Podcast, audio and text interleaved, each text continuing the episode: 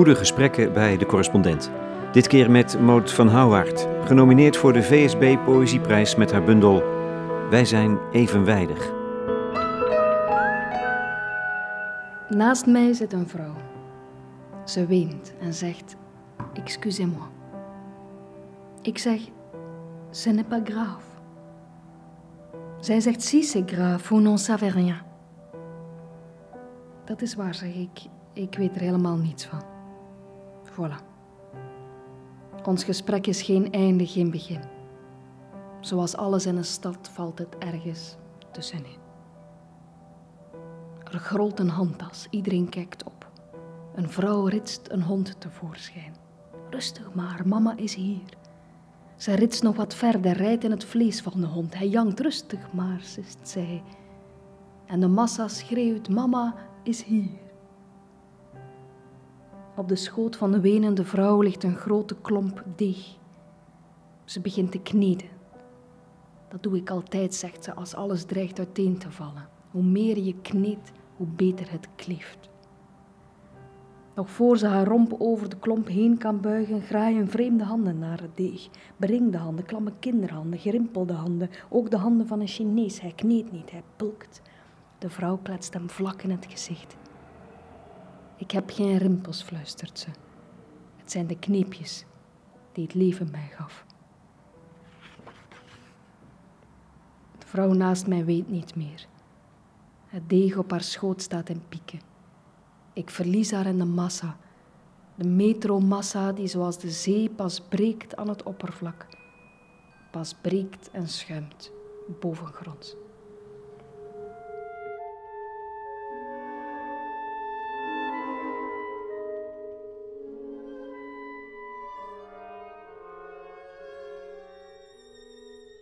Van de dichters die genomineerd zijn voor de VSB Poëzieprijs is Maud van Houwaard veruit de jongste en de enige vrouw. Zo staat zij vier tussen grote namen als Toon Tellige, Ilja Leonard Vijver en Pieter Boskma. Ze wordt niet getipt als winnaar, maar ze zit er toch maar mooi bij. En dat met een eigenzinnige, raadselachtige bundel die niet meteen te plaatsen is. Reden genoeg voor mij om haar uit te kiezen voor een goed gesprek. Ze woont in Antwerpen, een lichte ruimte, zeven hoog. Het is vlak buiten de ring, beneden ruist de stad. De zon schijnt oogverblindend fel naar binnen. We zitten met de rug naar de ramen en als ze leest, als Moot van Houwaard haar eigen poëzie leest, sluit ze de ogen en danst ze met haar handen door de lucht, alsof ze de taal zelf kneedt. Ja, ik denk dat bepaalde fragmenten uit mijn bundel mij zo eigen zijn geworden. Die zijn zo doorleefd geraakt dat, ehm, dat de tekst op papier mij zelfs zou afleiden, denk ik. Dat als ik de tekst zou gaan lezen, ehm, ik hem misschien ook weer eh, zou verliezen. Ze is geschoold als voordrachtskunstenaar en een ervaren performer. Ze treedt veel op, avond in, avond uit, met iets wat het midden houdt tussen cabaret en poëzie. Ik kan me voorstellen, als ik haar zo zie en hoor lezen, dat ze het publiek in haar band brengt met haar zachte, bezwerende incantaties. Ik vind het een heel ehm, bijzondere vorm hè, om alleen op een podium te staan. Enerzijds st- straal je dan een enorme kwetsbaarheid uit, hè, want het is een soort één tegen allen spel. Je bent bijzonder kwetsbaar. Je bent ook de enige die an de andere richting op kijkt. Hè. Al die toeschouwers die kijken één kant op en jij probeert daar tegenin te kijken. Dus dat is al heel absurd. Je bent ontzettend kwetsbaar. Maar anderzijds heb je ook een enorme uh, kracht en macht. Hè. Want als ik beslis om plots stil te vallen, dan kan ik een, een, een stilte creëren in die zaal. Um, dus, en ik denk dat het de combinatie is van die kwetsbaarheid en die, uh, die kracht en die macht die me altijd gefascineerd heeft. Ja, soms is, ik denk dat heel veel mensen de, de, de werkelijkheid vaak ook als heel omslachtig, heel complex uh, ervaren. En um, uh, dit is, ja, mijn tweede bundel is mijn weerslag van hoe ik ook um, geleefd heb de voorbije jaren. Het is, het is een heel uh, omslachtige bundel met heel veel losse, losse eindjes, heel onsamenhangend. Uh, um, maar ja... Zo, maar met jouw leven? Ja, zo heb ik het, het leven ook ervaren.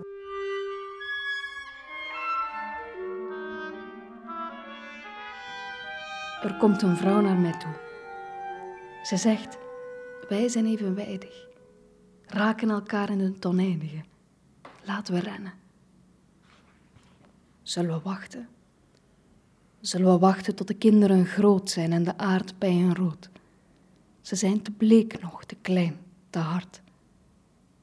Zullen we wachten tot de avond valt en de nacht, waarover wij nog één keer willen slapen? Ze haakt haar arm in de mijne tot een limniscaat.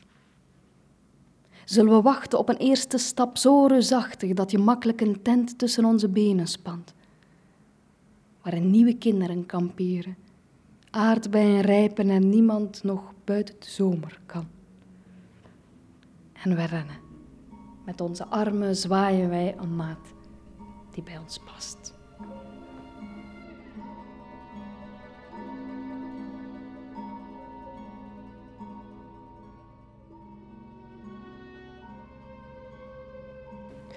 Weet je wat ik denk bij die titel, of bij die regels die je ook net las? Wij zijn evenwijdig. Eigenlijk gaat de bundel over liefde. Het is gewoon, het liefst, gewoon liefdespoëzie dit. Stiekem wel, ja. Ja, ik ben precies, heel blij stiekem. dat jij het... eh, Stiekem, ja. ja. Ik ben heel blij dat... eh, dat eh, maak jij zeggen? Ja, alsjeblieft. hè. Dat jij dat daarin in leest. Eh, want het is, eh, naar mijn gevoel, ook een, ehm één groot liefdesgedicht. En daar gaat het in wezen toch over eh, voor mij. En ik heb wel gemerkt dat, dat heel veel mensen bij beginnen de bundel te lezen vanaf het begin en hebben meer het gevoel, ah, dat is een soort bundel over de cityscape, hè, over, over de grootstad en, en hoe je kan verdwalen in de grootstad. Ehm, en dat is misschien ook zo, maar, maar, maar naar mijn gevoel is het toch vooral een, ja, een liefdesbundel. Ja. Ja, ja. Zoals denk ik heel veel gedichten hoor, stiekem over de liefde gaan. Ja. En wat kunnen we dan zeggen over de liefde? Wat is liefde voor jou? Goh, dat is nu wel de, de grootste en moeilijkste vraag, denk ik. Ehm.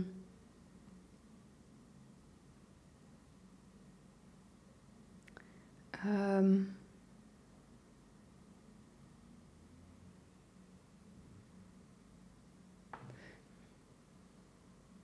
Ja, wat, wat, wat ik denk, ik, ik, ik weet niet of het, het is geen definitie van wat de liefde is, maar ehm, wat mij heel erg fascineert is, is hoe de aanwezigheid van de ander, hoe de ogen van de ander je naar jezelf doen kijken. En je hebt ook de ogen van de ander nodig om naar jezelf te kijken. Om jezelf beter te leren kennen. Ja, en, en om ook jezelf elke keer te proberen herdefiniëren. Ik zie het individu niet als één vaststaand iets, ehm, maar iets dat voortdurend verandert en beweging is. En, en ja, alleen al als ik nadenk over, over de verschillende kleine sociale kringen eh, waar ik in zit, bijvoorbeeld hoe ik mij verhoud ten opzichte van mijn ouders, hoe ik mij verhoud ten opzichte van ehm, een bepaalde vriendengroep eh, ten opzichte van een ander vriendengroepje. Ik, ik ben echt werkelijk eh, telkens iemand anders. Ehm, en dat vind ik heel fascinerend, wel, wel, wel, wel- welke ja, kracht de ander daarin heeft. En die voortdurende zoektocht van hoe kan je bij jezelf blijven en je toch openstellen voor de ander. Is het ook angstaanjagend? Of angstaanjagend, zit daar ook angst in? Hè? In dat bijna ondefinieerbare van jezelf eigenlijk. Ja, wij willen graag mensen uit één stuk zijn. maar- Ja, eh, eigenlijk wel, omdat het, omdat het toch, eh, als je heel eerlijk bent ehm, en als je dat inderdaad ook bij jezelf erkent en herkent, Ja. dan heeft dat ook consequenties. Dan betekent dat dat ik inderdaad ook bij God niet weet wat ik over tien jaar ga doen, wie ik ga zijn, met wie ik ga zijn. En dat is een angstwekkende gedachte om, om je daarbij te kunnen neerleggen. Want ik zou ook soms het liefst eh, op een krijtbord eventjes mijn, mijn, mijn tienjarenplan eh, ehm, opzetten. En ook ah, weten van oké, dit zijn de lijntjes die ik ga uitgooien, dit zijn de vissen die ik ga vangen. Maar het is er niet, dat plan. Nee, en ik denk zelfs dat het een soort verantwoordelijkheid... Of ik, ja, het is misschien, daar voel ik toch ook een link met het dichterschap of zo. Om, om, om, ik ben daar heel vaak mee bezig en ik, ik zie dat ook als een ehm, misschien ook wel mijn, mijn, mijn rol om, om daarmee bezig te zijn. Want ik denk ook dat er heel maar wat veel... bedoel je dan precies? Om Ja, waarmee, om- om- waarmee bezig te zijn? Die bewustwording ook van het, het, dat losse zand onder onze voeten. En ik denk dat de dichter heel vaak net inderdaad naar die zandkorreltjes aan het kijken is, van dat losse zand. Eh, maar het is soms ook een, een, een, eh, ja, een vermoeiend. En ik kan me ook voorstellen dat er heel veel mensen in een bepaalde structuur zitten, of in een dagschema of wat dan ook, en niet altijd daar de mentale ruimte voor hebben. Eh, mensen die bijvoorbeeld ook verantwoordelijkheden hebben naar, een- naar een gezin toe of, of naar een hele drukke baan. Ik denk dat, dat dat heel normaal is en heel menselijk en ook maar gezond. Dat, dat ehm, zij daar dan ook niet al te veel mee, mee, mee bezig zijn. Maar ik denk als, als, als dichter dat dat bijna ook deel is van mijn werk of zo. Om, om daar te durven naar kijken, naar dat losse zand. Eh, en om daar iets mee te doen natuurlijk. Niet om mij daarin te gaan laten verdrinken. Maar om daar ergens... Want wat, wat is het goede dan van, van die ervaring, als je wel zo ver durft te gaan? Ik, ik, ik ben- ik ben nu blijven hangen, dat, dat gebeurt dan bij mij vaak, hè, in, in dat beeld van dat losse zand. Hè. Ehm, en ik moet denken aan, aan, aan hoe wij als kind vaak van die glazen potjes namen, confituurpotjes, en dan zo kleurden ook, en in verschillende laagjes legden. Doen jullie dat soms in Nederland? Ik heb het nooit gedaan. Of het was krijt, het was meer krijt of zo, dat dan in verschillende gekleurde laagjes in een potje kwam te zitten. Maar, dus ik, ik, ik wou eigenlijk zo mijn metafoor doortrekken, maar dus ik Ja, merk nu dat mijn Nee, metafoor al niet helemaal klopt. Maar dus ik Nee, maar trek hem door. dus heel- Nee, nee, trek ja, hem wel, door. ja, dus dan denk ik dat, dat ik die ja, probeer te zoeken naar die, die blik op, op, op, dat, op dat losse zand waar we allemaal op, op drijven en daar toch die zandkorrels uit te, te halen en, en eh, die te kleuren en in, in, in glazen potjes, gla, glas, hè, omdat, omdat je ernaar kunt kijken en er iets moois eh, van probeert te maken. Iets dat dan ook troost kan bieden door het te, te, te ehm, erkennen en het te, te omhelzen. Ehm, En dat zijn dingen die dus ook in de liefde allemaal een rol spelen. Want dat, dat, wat, dat vind ik fascinerend. Als je erachter komt dat... En waarom denk ik dat het over liefde gaat? Want er is een ik en een zij door de hele bundel heen. En die zij, dat zal van alles zijn, neem ik aan. Maar doordat die twee steeds benoemd worden, heb je het gevoel... hé, hey, hier zijn twee mensen met elkaar in gesprek. In dit geval ook twee vrouwen. Wa- waarom is het zo versluierd? Dus wat zegt dat denk- over de liefde? hè? Ja, ik, ik denk heel eh, concreet. Eh, ja, elke schrijver vertrekt vanuit iets puur anekdotisch. Hè? En, en ik bedoel, bij mij is het, ehm, er zijn heel veel stukjes ontstaan vanuit mijn liefde voor mijn vriendin. Ehm, en dus mijn geliefde. Ehm, Wat ik echt erg geestig vind is dat je droomt zij. Zij heeft gedroomd dat een man tegen haar zegt: vrouwen vrijen niet met elkaar, maar ze fouilleren elkaar. Ja, er zitten ontzettend veel flauwe mopjes in ook, hè, in de bundel. En eh, ja, ik heb een soort zwak voor flauwigheden. En, en ik, ik heb wel gemerkt, als je het zelf ook benoemt, hè, want wat op de achterflap van mijn bundel staat... ehm, u kan dit boek lezen als een bundel gedichten, als een bochtig verhaal of als een kleurrijke optocht, optocht van droevige moppen. Het moment dat je het zelf ook kadert of benoemt, dan kan je eigenlijk best wel veel eh, permitteren. En dat vind ik ook prettig. Maar ja, om, om, om nog terug te komen op wat je net zei. Het is gek. Mijn eerste bundeltje ehm, had als titel Ik ben mogelijk. Eh, en naar, naar mijn gevoel zaten daar heel veel gedichten in die ook over liefde gingen. De liefde naar een vrouw toe. Nu, dat was in een periode waarin ik zelf een beetje worstelde, ook met mijn seksualiteit. En, eh, eh, Want waarin- wa- was dat moeilijk vanuit jouw jeugd? Het, eh, ja, het was voor mij wel een, een, een, een, dat is wel een proces geweest. Nu, een proces waar mijn ouders wel meteen zijn in meegegaan. En, en ehm, Hmm. uiteindelijk is, is, is, eh, ehm, is er nu heel veel openheid en vrijheid. eh, maar bij mijn vriendin is het veel moeilijker, omdat zij eh, Joods is. En, en ehm, de Georgiëse familie komt. Dus, dus bij haar is het, vol- is het eigenlijk nog totaal eh, eh, taboe. Hè? Du- Dus ehm, wij leven eigenlijk nog altijd deels in een... Ja, je kan het een sprookje noemen, dat is een mooie formulering. Maar ook in een, ehm, in, een- in een stulpje die... die ehm, eh, Bedreigd dus ook. eigenlijk. ja, ja niet, niet, niet fysiek natuurlijk, maar, maar wel eh, niet in, in alle vrijheid. Dus ik denk ook dat die concrete Hmm. Context ervoor gezorgd heeft dat ik ook een beetje genoodzaakt was om een en ander te verdoezelen. En, en poëzie is daar een ideaal medium voor, hè? Om, om, om iets op een indirecte manier te zeggen. Dat kan dan in de, in de poëzie net weer een kracht krijgen. Maar ik, ik weet bijvoorbeeld, ik ben mogelijk... Naar mijn gevoel gingen ja, bepaalde gedichten vrij expliciet daarover, maar, maar dat er toen geen enkele recensent was, geen enkele lezer die mij daar toen ooit een vraag over heeft gesteld. En dat kan natuurlijk zijn omdat ze die vraag niet durfde stellen, uh, maar ik had toch vaak het gevoel dat dat dan daar niet in gelezen werd. Of omdat men dat dan niet verwachtte. Of, um, en ik vond dat heel uh, frappant. Ook wel iets geruststellends. En dan dacht ik, ah ja, ik kan eigenlijk ook gewoon vanuit mezelf schrijven. En de lezer maakt er toch zijn eigen ding van. Ja, precies. Ik was geneigd om het woord sluier te gebruiken. Het is gesluierd, deze liefde. Maar misschien druk je daarmee dus ook wel iets moois uit over liefde. Dat die, dat, die, die, nou, dat verhullende nodig heeft.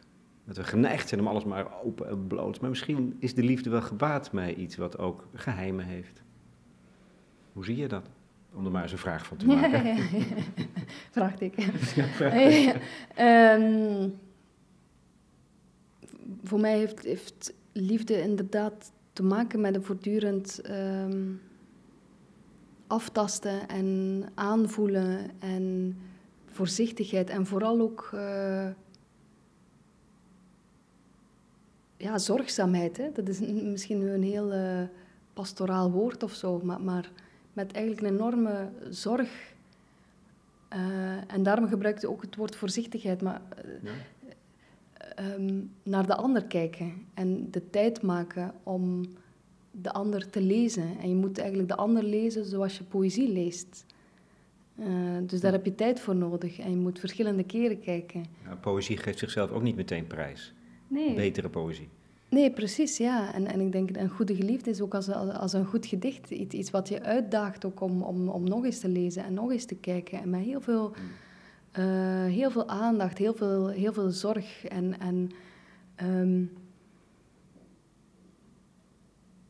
ja, idealiter zouden we in een, in een wereld eh, leven waar alles van liefde is vervuld, zodat we eigenlijk voortdurend uh, tot die precieze blik ook komen. Maar, maar daar slagen we vaak ook niet in, hè, want we soms moeten ook gewoon uh, ja, doorrammen en doorgaan en, en, en meteen conclusies trekken uit wat we zien. Maar, maar, ja, ik vind de liefde de ideale...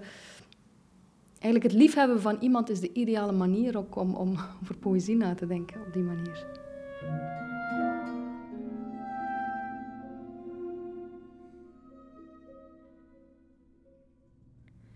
Stuitliggend in de zetel begin ik bij het begin. Van bij mijn eerste kamer, toen mijn eerste schreeuw tegen de steriele muren ketste. Waar mijn moeder plotsklaps besefte dat ze begon. Hoe mijn vader de streng doorknipte en dacht: dit is het mooiste eindje. Groots en slepend is mijn vader, gebogen, en hij noemt dat schrap als een coureur.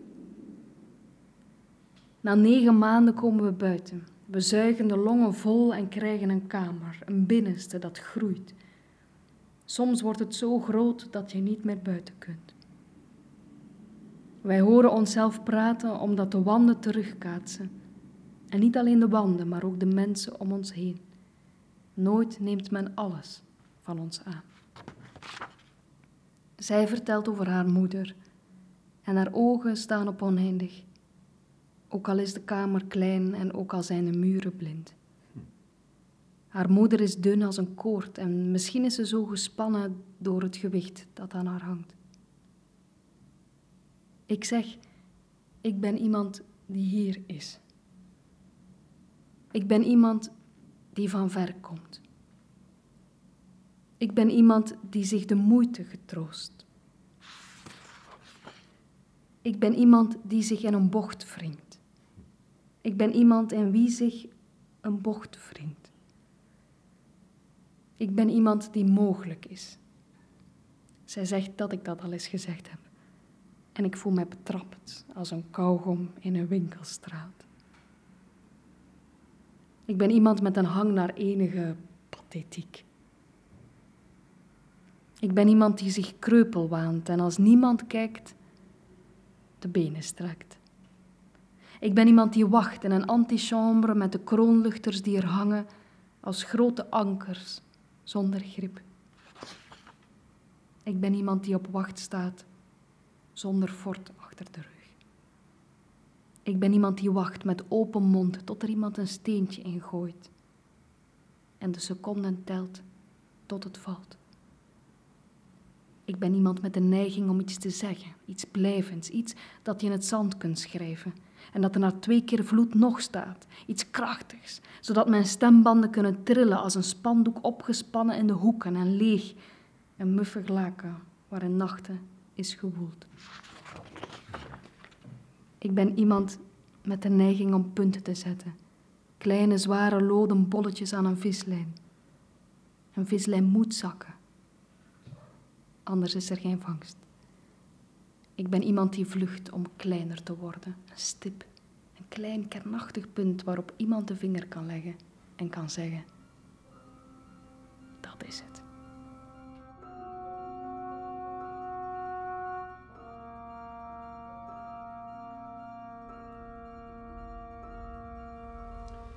De pagina's in Wij zijn evenwijdig zijn niet genummerd. Je kunt erin verdwalen als in een vreemde stad. Je mag je eigen volgorde bepalen, heen en weer schietend een nieuwe compositie maken. Wat mij fascineert is hoe deze bundel ogenschijnlijk losse scherven bij elkaar gehouden wordt. Wat is het verband, het zinvolle? Ja, het heeft duidelijk iets van een reis door de moderne tijd en de liefde schuilt eronder, pal onder het oppervlak. Dat is al iets. Maar hoe zit het dan met het losse eindje van de dood? Ik denk heel vaak na over de dood. Uh, en ik vind het ook jammer dat dan um, dat het niet echt een café-onderwerp is. Um, hoewel ja, voor mij nadenken over de dood bijna gelijk staat aan nadenken over het leven. En ik denk dat de dood ook um, ja, zie ik ook als een soort achtergrondje waar je dan dingen tegenover kunt zetten. En, en dingen worden ook vaak mooier als je ze ten opzichte van de dood zet. Of um, zeg maar ten opzichte van de dood is deze dag die we samen hier nu kunnen, of dit gesprek dat we kunnen hebben, eigenlijk bijzonder mooi. Ja, want het staat er als een soort schril contrast tegen, waardoor ons gesprek nog meer gaat schitteren en glinsteren en waardevol zijn. Dus ik, ik zie heel veel dingen met de dood als achtergrond. En bij mij is er ook wel, ik, ik ben ooit een, een, een vriend verloren aan, uh, aan zelfdoding. En ik, dat is voor mij wel een soort kantelpunt geweest in mijn leven ook. Uh, dat ik daar ja, op de een of andere manier veel meer en ook anders ben over gaan nadenken. Um, je bent hem ook achterna gereisd, toch? Je hebt er een documentaire over gemaakt. Hoe, wat heb je precies gedaan en wat ontdekte je toen? Um, ja, dat was, was eigenlijk wel de meest, met mijn jeugd lief, uh, mijn jeugdliefde geweest. En, en uh, de meest leven, levenslustige jongen die ik ooit gekend heb. Die dus inderdaad besliste om uit het leven te stappen. En hij heeft een soort reis gemaakt, daar een dagboek van bijgehouden. En ik ben met een aantal vrienden uh, die reis opnieuw gemaakt. En daar, zijn laatste reis? Zijn, zijn, was het oh ja, zijn, ja, ja, inderdaad. Ja. ja. Zijn laatste reis, ja. Ja, dus dat... um, Maar het, het bijzondere is dus dat je die reis kon volgen omdat hij dat heeft opgeschreven. Ja, hij was heel precies geweest. Hij had ook uh, ticketjes, kassabonnetjes bijgehouden van, van de winkels waar hij dan uh, was gepasseerd. Uh, heel minutieus had hij bijgehouden wat hij allemaal had gezien. En uh, ja, we hebben die reis opnieuw gemaakt. En ik zat daar toen eigenlijk met een microfoon, wat, wat ook een beetje een vreemde positie was zat ik met ja, een microfoon toch onder de neus van mijn vrienden om, om, om, om, om die verhalen te verzamelen. Maar eigenlijk is dat een heel mooi document geworden. In elk geval een heel waardevol document voor, uh, voor de ouders. Ehm, Heb je het ook, maar het is ook uitgezonden, het is ook ja. gepubliceerd. Ja, het is uitgezonden op de, op de Vlaamse radio, Radio 1 bij ons. Um, nu, wat het hele proces nog moeilijker heeft gemaakt, of, of uh, een beetje een dramatische uh, draai heeft gegeven, is dat de zus die mee was ook op onze reis, dat ze eigenlijk nog voor mijn montage was afgewerkt, ook uit het leven is gestapt. Dus broer en zus, of ja, ze is eigenlijk haar, haar, haar, haar broer gevolgd, zou je kunnen zeggen. En uh, ja, ik weet nog heel goed dat ik op mijn eh, studentenkamertje zat in Antwerpen en ik, ik ja, het was de eerste keer dat ik zo met radiomontage bezig was. Uh, en, en, en toen vernam ik dat nieuws, hè, dat, die zus ook uh, vertrokken is. Ehm, en, en die vraagstellingen van, in godsnaam, wat, wat ben ik hier aan het doen? Wat, is, wat heeft dit in godsnaam zin dat ik hier nu aan het nadenken ben over welk muziekje ik eronder schuif, waar ik het ga knippen, uh, waar mijn spanningsboog ligt. want daar ben je dan mee bezig als je een radiodocumentaire maakt over die spanningsopbouw. Maar ik dacht, allee, hoe kan ik nu nadenken over een spanningsopbouw als, als de ene persoon aan de andere uit het leven vertrekt? Uh, en dit leven ook totaal geen spanningsopbouw heeft, maar gewoon totale absurde wendingen neemt. Um, maar, maar, dus ik heb uiteindelijk toch beslist om, om, om dat dan mhm. af te werken. En ik denk dat die zet bij mij heel, heel veel teweeg heeft gebracht. Van, juist ja, nee, daar, heeft, Juist daar. Van nee, het is, het, is toch, het is toch belangrijk om dat toch te doen. Zelfs als alles misschien in het water valt en misschien als, als, als alles kapot gaat, dan, uh, dan moet ik toch nog gaan maken. Of toch creëren. Iets nieuws proberen maken, ook als alles afbrokkelt. En daar heb ik denk ik wel een soort kracht gevonden. Ja. Want dat is het beste antwoord dat je hebt. Ja, en ook het enige. Niet alleen het beste, maar ook het enige. Want het, het, het andere is ook gewoon um, zelf in elkaar zakken of zo. Maar, maar levert ook niets op. Hè? Ja. Nee. Goh. Dan reis je er dus achteraan ook. Dan reis je, dan, dan is bijna die, die schaduw moet bijna wel tastbaar aanwezig zijn geweest bij jullie als vrienden. Bij die reis.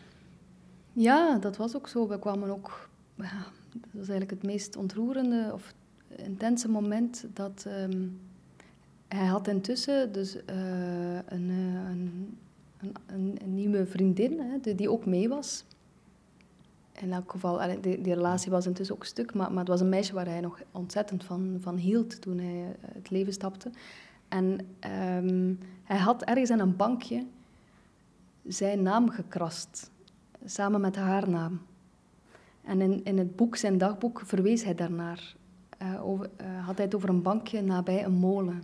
En wij zijn dat bankje gaan opzoeken. En dat was ongelooflijk om dan inderdaad uh, die plek te komen, die molen te zien en dan te gaan zoeken. En dan uiteindelijk daar effectief het bankje te zien. En, en Karen, dus zijn, zijn vriendin, die daarnaar ja, we, we, hebben dan als vrienden ook een beetje afstand genomen, omdat het ook haar momentje was. Zij die dan naar dat bankje liep en, en het dan zag staan en met haar, met haar duim over die, over die, die ingekraste namen ging. En ook zei van, ja, hier is het. en dan het gevoel, of, of ook die, die euforie van, ja, daar is het bankje. Dus we hebben, even, we hebben het gevonden. En dan meteen daarna ook, ah ja... Wat vind je dan? Wat, wat vind je dan, hè? Wat vind je dan? Ja, dat was onwaarschijnlijk. Ja. Wij zijn evenwijdig, raken elkaar in het oneindige. Het, het is maar ik ben denk ik voor mijn, voor mijn bundels, ik kan nog helemaal niet spreken over een uiver, ik heb er maar twee, maar ik ga altijd wel op zoek naar de meest hoopvolle versen die ik mij kan bedenken. Dus ik ben, ik ben mogelijk, was in, in, bij mijn eerste bundel, de meest hoopvolle zin die ik mij kon bedenken. En nu, wij zijn evenwijdig, we raken elkaar in het oneindige, misschien raken we elkaar nu niet, maar wel in dat onzichtbare punt. Dat is het meest hoopvolle wat ik mij kan indenken. En uh, ja, dat zet ik dan op de cover. Wat doen we met de vrouw die plots haar armen spreidde? Wilde ze me omhelzen of wees ze twee richtingen aan? Wat doen we met de man die zichzelf met een das heeft opgeknoopt, plechtig en deftig, met respect voor de dood? Wat doen we met de zonnebrillen? Very nice, special price. De sjaaltjes hier, very nice, special price. En de mannen op het strand die blinken als hoogglans folders. Wat doen we met het verkrachte meisje? En de mensen die zeggen, zo mooi is ze toch niet? Wat doen we met de testikels van de kater, die nu rustiger is? Wat doen we met hen die niets te vertellen hebben en toch op het feestje zijn? Wat doen we met de vrouw die haar vetrollen toont en zegt: Kijk, dit is mijn.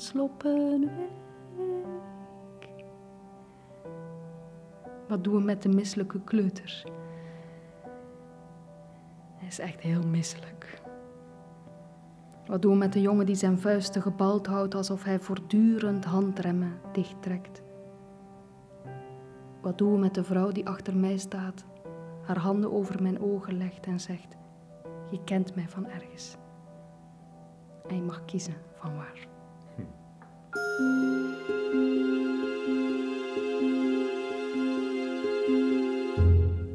Maud van Houwaard in gesprek met Lex Bolmeijer over haar poëziebundel Wij zijn evenwijdig. Raken elkaar in het oneindige. Voor de correspondent.